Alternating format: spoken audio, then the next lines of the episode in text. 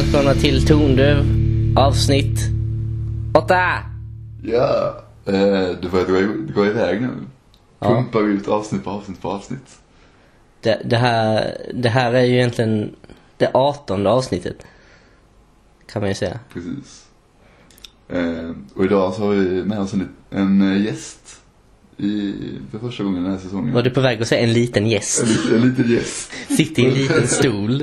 Och innan vi kommer till, till gäster så, så måste man ju lägga fram någonting framför. Ja. Så här, en liten kommer ofta fram väldigt, eh, väldigt enkelt. Vi, vi kan ju säga så att vi, vi har ju en gäst med oss här. Det är ju första gästen vi har som har någonting konkret musikindustriellt att, att komma med. Ja, faktiskt. Det här blir ett, ett, eh, ett case nästan. Ja, ja Ja. precis.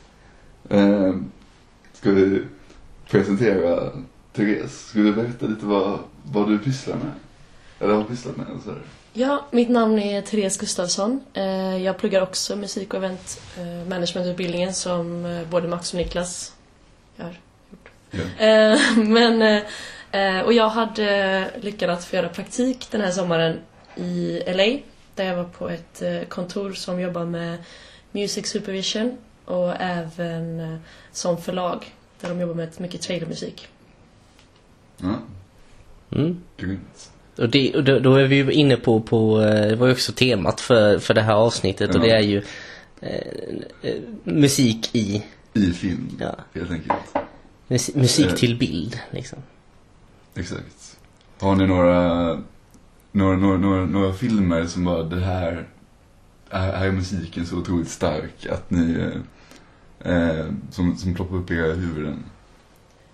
Ja, jag har väl ett gäng eftersom jag är lite nörd i det här. Ehm, men första jag kommer att tänka på är väl Drive, tror jag. Ehm, Mm. För jag tycker musiken är så stark där och jag har alltid haft en liten kärlek till musik med 80-tals-influenser. Ehm, Just det där, eh, hela, eller det största soundtracket är väl eh, Kavinsky där med, precis, både Kavinsky och Ja. den här A Real Hero med College och Electric Youth. Ehm, och det är lite fun fact att den som var music supervisor där är ju Brian McCade, tror jag heter. mm. Eh, och han har även gjort musiken, eller varit music supervisor till Napoleon Dynamite. det är otippat. Ja, du kan ju gå på det här med music supervisor. Eh, kan du förklara så att lyssnarna också, vad, vad, är en music supervisor? Precis. en music supervisor är den som, ehm, man kan nästan säga det lite som en medlare mellan, oftast mellan regissör och eh, förlag och artister och sådär. Utan music supervisorn är den som är i närmsta kontakt med de som skapar filmen. Och eh, ta tar reda på liksom vilket sound eh, som ska vara i den här filmen eller serien eller vad, vilket forum vi pratar om. Eh, och de har då i uppgift att hitta passande musik till eh, formatet. Och sen även också lösa rättigheterna till det.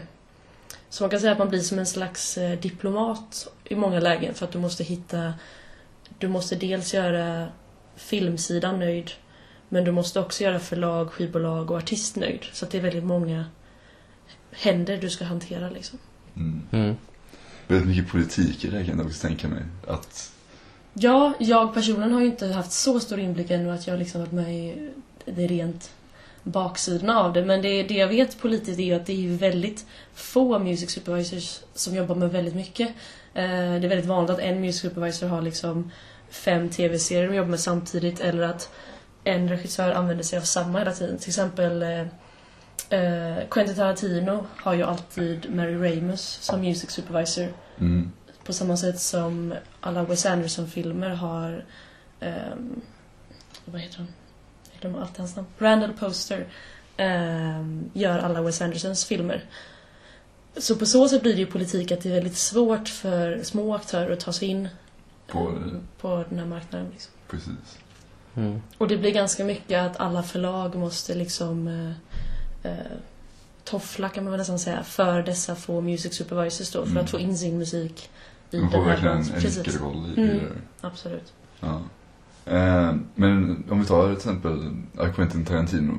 Hur mycket är det som lägger han fram, jag, jag vill ha exakt den här låten, eller är det ungefär att du tror att det är med den här stilen på, eller är det music supervisorn som är själva själva hjär, verkligen eh, hjärnan bakom det hela?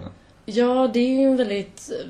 Det beror väldigt mycket på. Ehm, Jag kan tänka mig att... Jag vet ju personligen ingenting om Quentin men Mm. eh, mer än att han är fotfetisch, det har jag hört. Men, eh, men jag tror att han... eh, Jag kan tänka mig att han har nog väldigt mycket egen eh, påverkan i vilken musik de ska ha, kan jag Mm. tänka mig, som han är musikintresserad. Ehm, Men sen finns det de som inte alls bryr sig. Till exempel där jag jobbade ehm, i somras så hade vi... De jobbar med serierna som Gotham, CSI och Silicon Valley.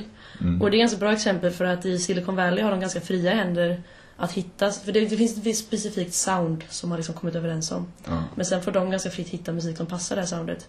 Medans i Gotham då eh, så är directorn eh, Danny Cannon heter han. Han är väldigt musikintresserad själv. Så han har ganska tydliga preferenser. Så där var det ganska ofta att han la in till exempel, det kunde, det kunde hända att han la in Lou Reed Perfect Day la han in som exempellåt till en scen. Okej. Och så sa han, kan ni ge mig ett förslag på andra låtar här? Eh, så skickade vi en, en runda med typ tio låtar till honom. Eh, fick svar så här, jo men några av de där gillar jag, eh, kan ni skicka en runda till? Och sen slutade det med att han ändå sa att, "Nej, men kan ni bara fixa rättigheterna till Lou Reeds Perfect Day? liksom. Eh, och det kunde hända ganska ofta. Så det är väldigt olika tror jag. Eh, beroende på vilken director man jobbar med. Jag kan ju tänka mig att många music supervisors dröm är väl att få så fria tyglar som möjligt för att få vara kreativ. Liksom. Ja. Men det är nog ganska, ganska ovanligt tror jag att få helt fria eh, ramar och röra sig kring. Liksom. ja. Från bolagens sida? Eller från Ja, för de flesta, alltså en director som jobbar med sin film, det är ju deras lilla bebis. Så att de har ju Precis. ofta tänkt De har en väldigt mycket på allt liksom. Ja. Men det som många inte vet är ju just det här lagliga. De tänker ju bara att om vi kan slänga in en låt här. Och så tänker de inte så mycket på hur mycket som krävs för att få använda just en låt. Och det är där Music Supervisorn är väldigt viktig. Det, det är ju som att eh, den kreativa industrin krockar med upphovsrättsindustrin vilket är väl egentligen musikbranschen i, sin, i, i ett nötskal. Ja. Om man så vill. Absolut. Verkligen. Så det. Mm. Ehm, Ska vi gå tillbaka till det här med, med, med filmer med bra... ehm, vi var ju inne på det Ja. spåret och vi, då vi gick av lite. Precis. Eh, jag, jag, måste, jag har ju en sån film som jag tycker är... ehm, det, men det är en låt. Det är en, en synk i det här. eh, ehm, I den här filmen. Girl Next Door. Mm. Den här ungdomsfilmen. Det är, filmen kan man säga, ja den, den, den är väl sådär men eh, Under Pressure med Queen Mm. Är ju med vid, vid, vid, vid en, en, en, halvt så här montagescen i, i den filmen. Och den, den passar sig så bra för eh, temat i filmen. Och så är det en bra låt också. Ja. Men temat som är ju, är ju den här eh, ungdomen som, som ska ta sig ut i, i den stora världen från eh, gymnasiet, från high school och man ska veta vem man är och, och det är ju väldigt, eh, väldigt mycket med det här att vara under pressure. Mm. Eh, kan tänka och mig. att ni själva låttiteln är, är den, den perfekta kopplingen. Ja, precis. Och det är ju sånt jag älskar med just musik i film. Det gör så mycket för en film för att det liksom lägger in den här dimension, vidare dimensionen som inte... Sånt som inte behöver sägas i ord utan bara Precis. ska liksom uppfattas. Och då hjälper musiken ofta till att bara lägga till en ytterligare dimension på det. Ja, verkligen. Det är utan musiken så, så får du ju inte det där. Men samtidigt så kan det vara som så att jag tänkte på in, när jag såg Interstellar. Mm. Då jobbade de ju skitbra med just när det var musik och ljud. Och sen till att det bara blir helt tyst. Ja, det var det där- jättemäktigt. Det var fantastisk musikanvändning i den. Ja. Och det är att man jobbar med liksom skiftandet där. Ja, för det var en film som, jag håller med, som fick mig att inse hur mycket tystnad kan göra också Ja, för en film. För ibland var det liksom tyst när man trodde att det skulle låtar. Man kunde det nästan haja till och tänka där borde det vara något. Men så gillar man att det inte var något. Ja. Det var verkligen coolt. Det, det känns ju som väldigt mycket Jack Black-filmer. De är Ja. ju ofta helt utan musik och utan ljud nästan. Nästan stumfilmer. Det är bara dialoger.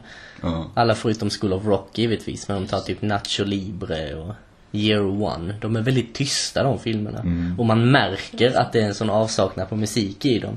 Och det gör att filmerna blir längre, de känns längre, de känns drygare, man tröttnar väldigt lätt. Ja. Musiken i filmen tror jag gör väldigt mycket att, att man man vaknar till och hänger med och, Precis. och på det viset. Men jag tror att anledningen till att det inte är något ljud i de filmerna är för att han inte vill ha något ljud i dem. Eller för att han har väldigt dåliga music supervisors. Det kan ju vara en budgetfråga. Det kan ju Ja. hända att han inte ens har music supervisors. Jag är inte så insatt på just Jack Black. Och jag vet, inte, det Ja. borde inte vara en budgetfråga på ett sätt för han har väl ändå någorlunda... pengar, Alltså det är ganska låg budgetfilmer för att vara amerikansk budget. Och music supervisor är ofta de som får väldigt...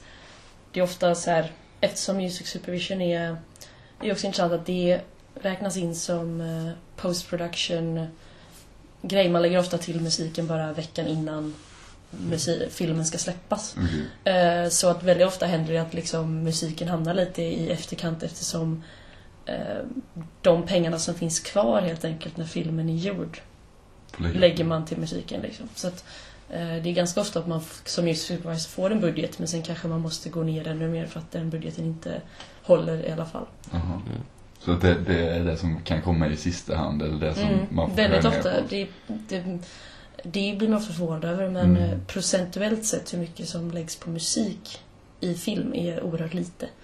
Jag vet inte så här exakt så, men det är bara några procentenheter liksom Ja. till något som ändå är så pass viktigt. Och det tycker jag alltid är roligt också när man tittar på filmer. eh, För nu eftersom jag verkligen vill lära mig så har jag börjat titta alltid jag på eftertexterna. ehm, För att försöka lära mig så många namn som möjligt. Mm. Och Muse Supervisor hamnar ju oftast liksom verkligen sist, sist. De hamnar ju liksom efter, efter catering och costumes och location. Alltså precis efter allt så kommer liksom Muse Supervisorn. Vilket också, det är ju visst, alltså Det alltså, blir lite löjligt kanske att Ja. vara bitter över det, men jag tycker det är intressant. Ja. Eftersom musiken då Många tycker att det är så viktigt men Mm. ändå får det inte den rollen som det bör få. Samma sak, det finns ju ingen Oscar till Music Supervisor liksom. Nej. Mm. Fastän det kan vara så pass viktigt. Kan det vara som så att från filmsidans håll så tycker man att det är lite, det är lite jobbigt med music supervisors att eh, de ska ha en bit av kakan. Hela, hela det här, man vill egentligen bara kunna lägga in musiken i... Ja, och sen tror jag att många fortfarande inte har förstått hur viktigt det är med en bra Music Supervisor eftersom Mm. man menar väl att man inte skapar något nytt. Ofta så tar du ju färdiga låtar och placerar. Ja, Men det kan ju vara precis lika kreativt som att skapa något nytt eftersom du ändå måste ha ett öra för det och veta vad som funkar och det är ju väldigt mycket jobb som läggs kring det också. Ehm, Så att det är många som pratar om det inom branschen att det borde få mer lyftas upp mer än vad det gör. ja. Mm. Men det gör ju så mycket eh, till filmen som vi har sagt. Med, för jag tänkte på eh, två stycken eh, rymdfilmer. En lite mer sci-fi än den andra. Där faktiskt musiken är som en... Någon som är väldigt... Den är ju väldigt viktig. Filmen handlar nästan om Musiken. musiken. Jag tänkte på Guardians of the Galaxy. Mm. När huvudkaraktären har en freestyle med 80-talslåtar på. Och då är ju musiken centrum där. Hooked on a feeling. Mm. Eh, Ja, men massa 80-tals Ja. och 70-talslåtar. Och det är ju kul när det kom till rymd, att de flyger Ja. rymdskepp och den låten den- spelas. ja. Och så tänk, tänkte jag också på en som eh, har haft premiär för någon månad sedan, eh, The Martian. Det Ja, den har jag fortfarande inte sett. Nej. Nej, kanske det ska ju inte avslöja för mycket men eh, den, den bygger ju också kring en ja, en, en CD-skiva liksom som, som, som huvudkaraktären ständigt spelar. Och, Ja. Det enda han har fått med sig är ut i rymden då. ja, ja, precis. Ja. Så det... Ja men då, där, där ligger det väl kanske med. Där kanske man skulle placera fast supervisorn lite högre upp i eftertexten kan man Ja. ju tycka. Mm. När ändå det ligger i Men det är fokus liksom- på det. Filmen byggs väldigt mycket runt det. Ja. Jag tänkte på det här med, med Guardians of the Galaxy. När, när, de, när den här mixtapen kom liksom. Då, och den här filmen kom, då, då fick ju mixtapen lite av en, en ny renässans igen tror jag. Mm. För nu har jag sett väldigt många, många band och artister som har börjat släppa ja, sin nya släpp i musik på, ja men som eh, mixtapes liksom. Mm. Man bara lägger ut ett helt spår med, med sex låtar på, på Soundcloud så ska du ladda ner det där och spela in det på, på kassett eller på. CD liksom. Så man kan Ja. inte byta spår utan man måste Man- spola mellan spår. Exakt, exakt. Ah, så kassetten kommer tillbaks. Det var Ja. intressant. När jag tänker på mixtape tänker jag också på ehm, i somras, det var också en sak jag lärde mig som inte jag tänkt på när det kommer till music supervisors. Men de har också en roll på så sätt att ehm, i filmskapandet när en regissör eller producent eller så, och så vidare ehm, de behöver ju ofta musik för att eftersom musik är så viktigt och det ger så mycket influenser och sådär Mm. så är det ju många som vill ha musik bara under själva arbetet med en film, när man funderar kring hur ska det se ut, vilken stil ska jag ha och sådär. Då är det väldigt många som använder sig av musik redan under det stadiet. Jaha. Och då är det många som använder sin music supervisor även till att de ska komma med låtar bara för att liksom kunna ge dem kreativt flow typ. Så med Danny Cannon till exempel som har Gotham-serien då. Eh, fick jag lära mig att till honom skickade vi väldigt många olika blandskivor bara för saker som han kunde lyssna på i bilen typ. För att liksom ge honom Rätt bara ett kreativt mode, sätta honom i rätt eh, Stämning. Precis. Och. Ehm, och det är ju också väldigt viktigt i skapande. Vilket är kul. Mm. Mm. Jag får sätta en, en viss stil till en film. Det, det kom också in på en, på en annan fi, film som, eh, som jag tycker är väldigt, väldigt, musiken är otroligt bra för vad, vad det är för, för film. Ni, ni har sett Matrix, Mm. antar jag. Och där liksom, den, den kommer 99. Och just i den, i den stunden så var det ju den industriella metalen och, och Precis. rocken väldigt, väldigt eh, Marilyn. Manson-låten där är ju... Ja, precis. Ja. Och även Rob Zombie, Rammstein. Och, Det kom, det kom ju en Ja. annan film som inte var lika eh, stor som The Matrix men den kom Ja. i samma veva där som hette The One med Jet Li. ja, Som också var lite så här sci-fi. Han, han blir någon klon som åker i tiden. Aha. Hur som helst. Men där var det också, det kom i, i slutscenen när han slåss mot liksom med tusen av hans egna kloner. Så är det Papa Roach i bakgrunden.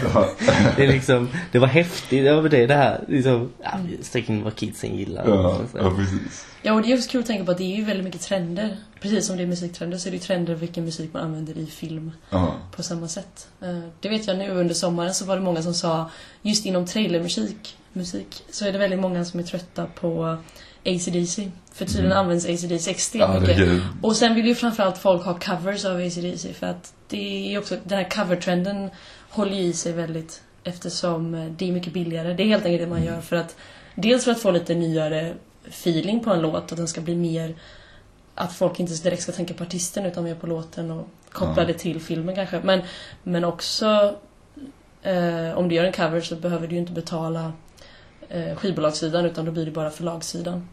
Och det är ju väldigt många som gör nu också. På gott och ont såklart. Mm. Mm. Det kommer också tillbaka till det att kapa, kapa kostnaderna för Precis. filmbolaget liksom. Och det är ju tråkigt om det bara är på grund av det man gör det. Mm. Om det är rent kreativt så är det ju coolt men det finns ju det är ju extremt många tråkiga covers som kommer ut nu också där, det bara, där de faktiskt ska låta som originalartisten. Ja, Och då blir det ju motsägelsefullt. Det blev, det blev den här eh, Studio All-Stars av det igen. Ja Det- Spotify. Eh, Spotify-listan Ja. med det fylld med covers som ska låta som originalet. Ja. Men någonting är jävligt fel Ja. med det. Precis. Rösta lite för hög, lite för låg. Ja. Ja. Ja, just det. ja. Ja. Nej, en annan film jag tänkte på, eh, The Big Lebowski. Ah, Det, ja. det här är ju väldigt mycket psykedeliska låtar och sånt där. Men, men specifikt den här, den här scenen med eh, när han, eh, Jesus ska bowla. Och eh, Gypsy Kings eh, spelar eh, Hotel California. Mm. Jag var bara liksom helt omändrad för, för den här. Jag vet, jag vet inte om de, de gjorde den covern innan, innan filmen eller efter. Men eh, också väldigt, väldigt passande, passande ögonblick liksom. Det, det är ju något sånt också med att eh, i, i samband med filmer så, så har man väl jag vet inte om det är så mycket på mu- Music Supervision-sidan men, men att, att, eh, att plocka in att, artister till att göra låtar som är ämnade, den här låten tillhör den här filmen. Ehm, Mm. Jag vet ju nu, det här är ju en väldigt dålig låt i och för sig men det är det exempel jag kommer på. Det är när. Spider-Man med Tobey Maguire kom I början på 2000-talet. Det var ju, jag tog de ju Nickelback att det. göra den här Ja. låten Hero. Och den var ju Spider-Man-låten. Ja. Men det blir nog ändå Music Supervision för den släpptes väl ändå som en egen låt också tror jag. Så det blir Mm. nog... Ja. Mm. Frågan är om det blir en... Jag vet inte riktigt. För det är där man pratar om skillnaden. För score är ju något... Det är ju musik som görs för, specifikt för en film eller serie Mm. eller för ett... Ja, förmodligen. Eh, medan source-musik kallar man ju det allt som är liksom inplockat utifrån och sådär. Ehm, ja. ja, den kan ju ha varit svår lika gärna egentligen. Mm. Ja. För det, det blir ju som nu till exempel till The Hobbit. Eh, var det ju den här låten som spelades sönder på radion. Ed Ja. Sheeran. eh, Var det Ed Sheeran? Eller, Nej. de, de, Just ja. det. Mm. Det var ju också en sån här...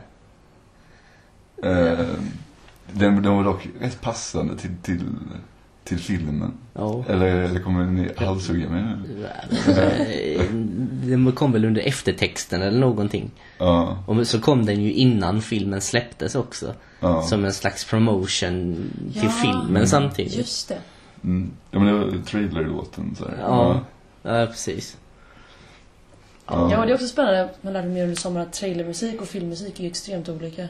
Det är ju väldigt en helt annan typ av sound. I en trailer eftersom det är så pass kort tid och det ska hända så mycket på kort tid.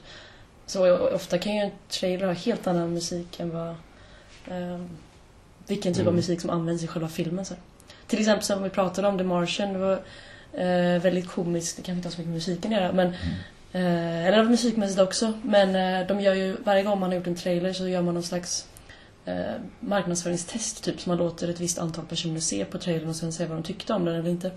Ehm, och då var det ju väldigt många som kom tillbaks och sa att de eh, inte var så intresserade av rymdtemat, eller av Mars. De tyckte inte Mars var så intressant. Mhm. Så då kom de tillbaka och sa att ah, okej, vi måste göra en trailer där vi inte visar Mars.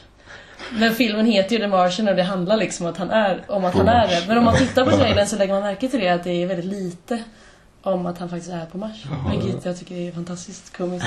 Och då var det samma sak med musiken då. Då skulle liksom inte den fokusera på att det var Mars utan det skulle vara något helt annat. Jaha. De lur, lurar liksom biotittarna att, köpa biljett. Ja, fantastiskt. Men det tänkte jag, för det tänkte jag på, um, kom till trailers, eh, Star Wars Episod 7 som kommer nu i december. Ja. Första teaser-trailern, då var det original-soundtracket på. Ja, ja, du vet, ja, Ja. det vanliga. Eh, men nu, den slutgiltiga trailern, då är det, det är något nykomponerat. Mhm.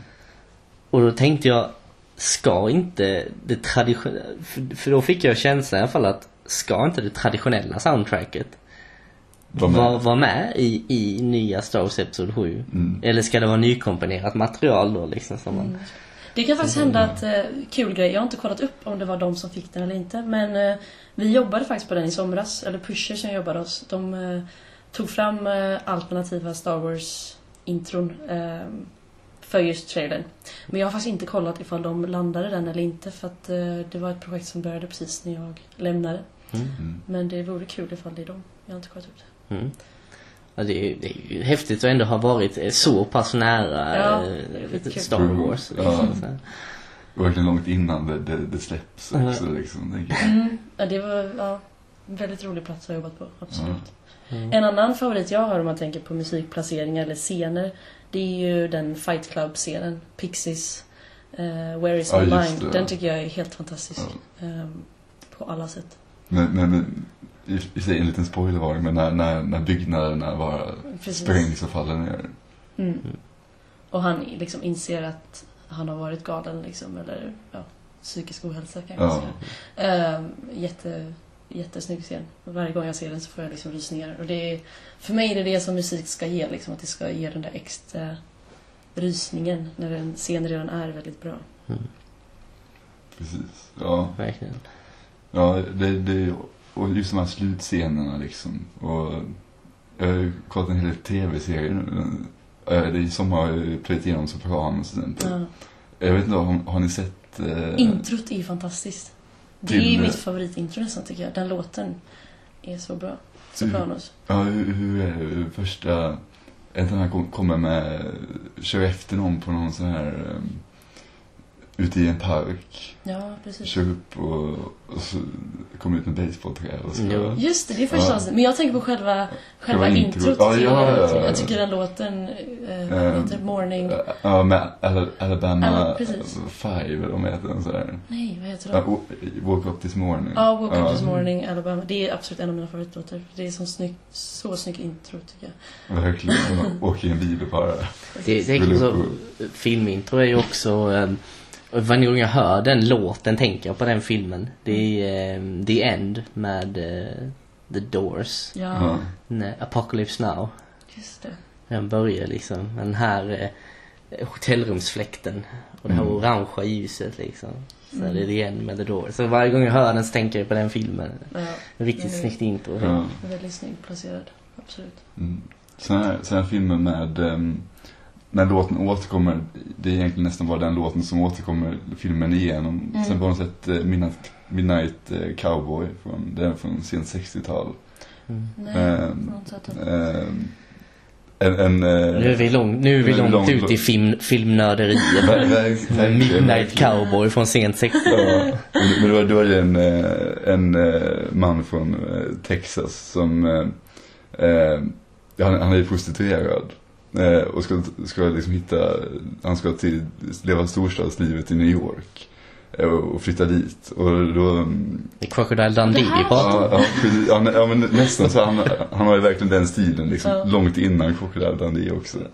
Eh, men då, då spelas ju den här eh, Harry Nilssons eh, låt eh, Everybody's Talking hela filmen och han, han hade på resande fot och, och sådär. Och han blir mer och mer lurad, eh, eller märker att han är så otroligt naiv liksom, när han kommer från landet och blir lurad av alla i storstan liksom. Och saker går, eh, går åt helvete och blir väldigt mörkt. Men den här, den här glada låten återkommer hela tiden liksom i, i Men, filmen. men det är det, det är det. Det är så är, är jävligt snyggt. Är ju att placera en, en glad låt till något väldigt dystert. Verkligen. Jag ja. älskar ju det. Jag tycker det är... Men fulsnyggt är alltid min favorit nästan. Ja. När man blandar liksom lycka med absolut sorg. Det är Ja. jättesnyggt. Verkligen. Verkligen. Så, sådana soundtracks liksom som, Mm. ja. Och så, till exempel, och även placera in det när det kommer till skräck. Det är ju eh, eh, Tiptoe med Tiny Tim. Eh, är ju med i, eh, vad heter den här, Insidious, Mm. del 1. Det är ju en väldigt... Eh, men den, men den är ju läskig i sig, den Ja. låten, men den är väldigt glad i alla fall. Ja, att vara music supervisor till skräckfilm måste vara jäkligt kul. För då ska Ja. det liksom... Ja, det ska uppfylla så mycket då, tänker jag. Det ska Mm. vara liksom både thrill och liksom skräck och liksom nu, spänning samtidigt. Ja, Ja, det här, om bygga upp och bygga upp liksom Precis. i låten också. Det tänkte jag också för det som eh, supervisor i, i, i Music Supervisor i skräckfilm. Eh, som i, i Insidious. Det vet jag inte, är det någonting man måste cleara? Eh, för det är nämligen någon som bara slår på ett piano. Detta händer ju flera Ja. gånger. När de öppnar en dörr så slår de bara på ett piano. Och man... Det är väldigt kul att du tar upp det, för att det lärde jag mig också under sommaren hur det har jag blivit nästan skadad nu, att varje gång jag tittar på film så tänker jag så här, ah, vad jobbigt, det där måste man fixa, det där måste man... För att eh, så fort någonting överhuvudtaget rör liksom rättigheter som redan finns. Mm. Om någon visslar på en ton till exempel. Eh, eller slår på ett piano. Eller om någon bara gör en dans som påminner, om någon skulle göra liksom den klassiska Singing in the Rain-dansen ironiskt, eller sådär. Då måste man lösa rättigheterna för det. Och det Mm. intressanta också, då kommer vi också in på ett till steg som är eh, on camera, kallar man det. Och det är väldigt viktigt. Eh, det är ofta något som många missar och som blir lite att eh, Music supervisorn får nästan släcka bränder. För det är att om du ska spela in en scen, som till exempel slå på ett piano, om vi nu säger att det skulle lyckas få till en melodi av att slå på ett piano, eh, eller något som redan existerar liksom. Eh, då måste man lösa rättigheterna till det här innan scenen spelas in. Oj. Eftersom man skapar ett nytt verk. Och för att skapa ett nytt verk så måste man ju ha rättigheterna till att skapa ett nytt verk av rättighetshavarna. Mm. Och det många missar då är att de redan spelar in scenen och sen hör de av sig till en music supervisor. Men då har du egentligen Redan, redan, redan, precis, då har du redan egentligen brutit mot lagen. ehm, och måste lösa det efterhand. Och då kan du ju riskera att de kräver mycket mer pengar än vad som är rimligt och sådär. Ja. Ehm, eller att de bara säger nej och då måste ni göra om hela scenen. Så det var en rolig grej som jag fick göra i somras. Till exempel om det var någon scen där en, det bara står att eh, en artist... Till exempel jag fick, ehm, jag fick läsa mycket manus, eh, Gotham framförallt. Och då skulle jag hitta detaljer som att någon lyssnar på musik eller en mobiltelefon ringer men om det är en viss ton, så här lite rolig mobilsignal eller så. ja. Eh, eller att någon visslar på en ton liksom.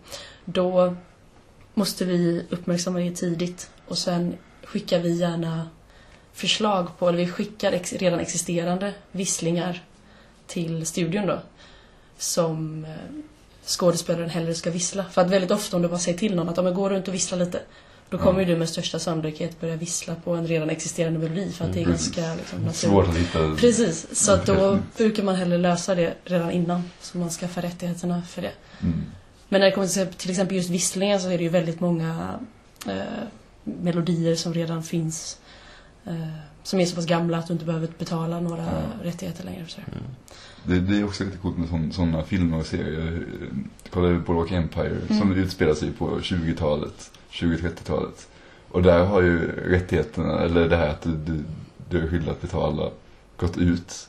Så de, de kör ju all musik som är som från 20-talet. och det måste vara jäkla lyx. Ja, precis. Så länge det inte är nyinspelningar för då måste du ju fortfarande betala på mastersidan. Ja, Men, och det får man ju ständigt hålla på och researcha också, vilket jag tycker är ganska kul. Att man kollar upp om verk tillhör, om de är i publikdomän eller inte. Ja. Om man kan använda dem. Precis. Och om de passar in liksom. Precis. Ja, eh, där där har de också gjort väldigt mycket eh, att de har haft skådespelare som kan, kan sjunga och låt, se och låter väldigt lika Mm. de här artisterna, typ Eddie Cantor och Sophie Tucker och de här. Eh, och så gör de en, själva scenen runt om det här att de står och, och sjunger liksom. Ja, det är. Ja. Det ehm, vi börjar närma oss klockslaget Mhm. för eh, avslutning av, av veckans avsnitt.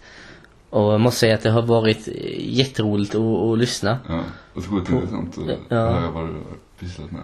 Det är, jag, jag vill bli music supervisor. Känner jag nu. Efter att ha lyssnat. Du har sålt, du har sålt det här yrket verkligen.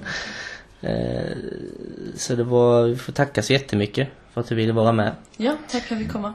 Och då får du väl börja fundera på att flytta utomlands. För det enda tråkiga är väl att det finns extremt lite inom Sverige på just Music Supervisor-sidan. Det Ja. är väl där. Ja. Men det kanske kommer. Vi får se. Mm. Spännande. ta båten till Amerika. Har båten till jag kommer hem till Sverige med en stor vit cowboyhatt. Ja. Ja, vi, vi, vi, vi får väl se. Ja. Men hur som helst, tacka lyssnarna för att ni har lyssnat denna vecka. På återseende.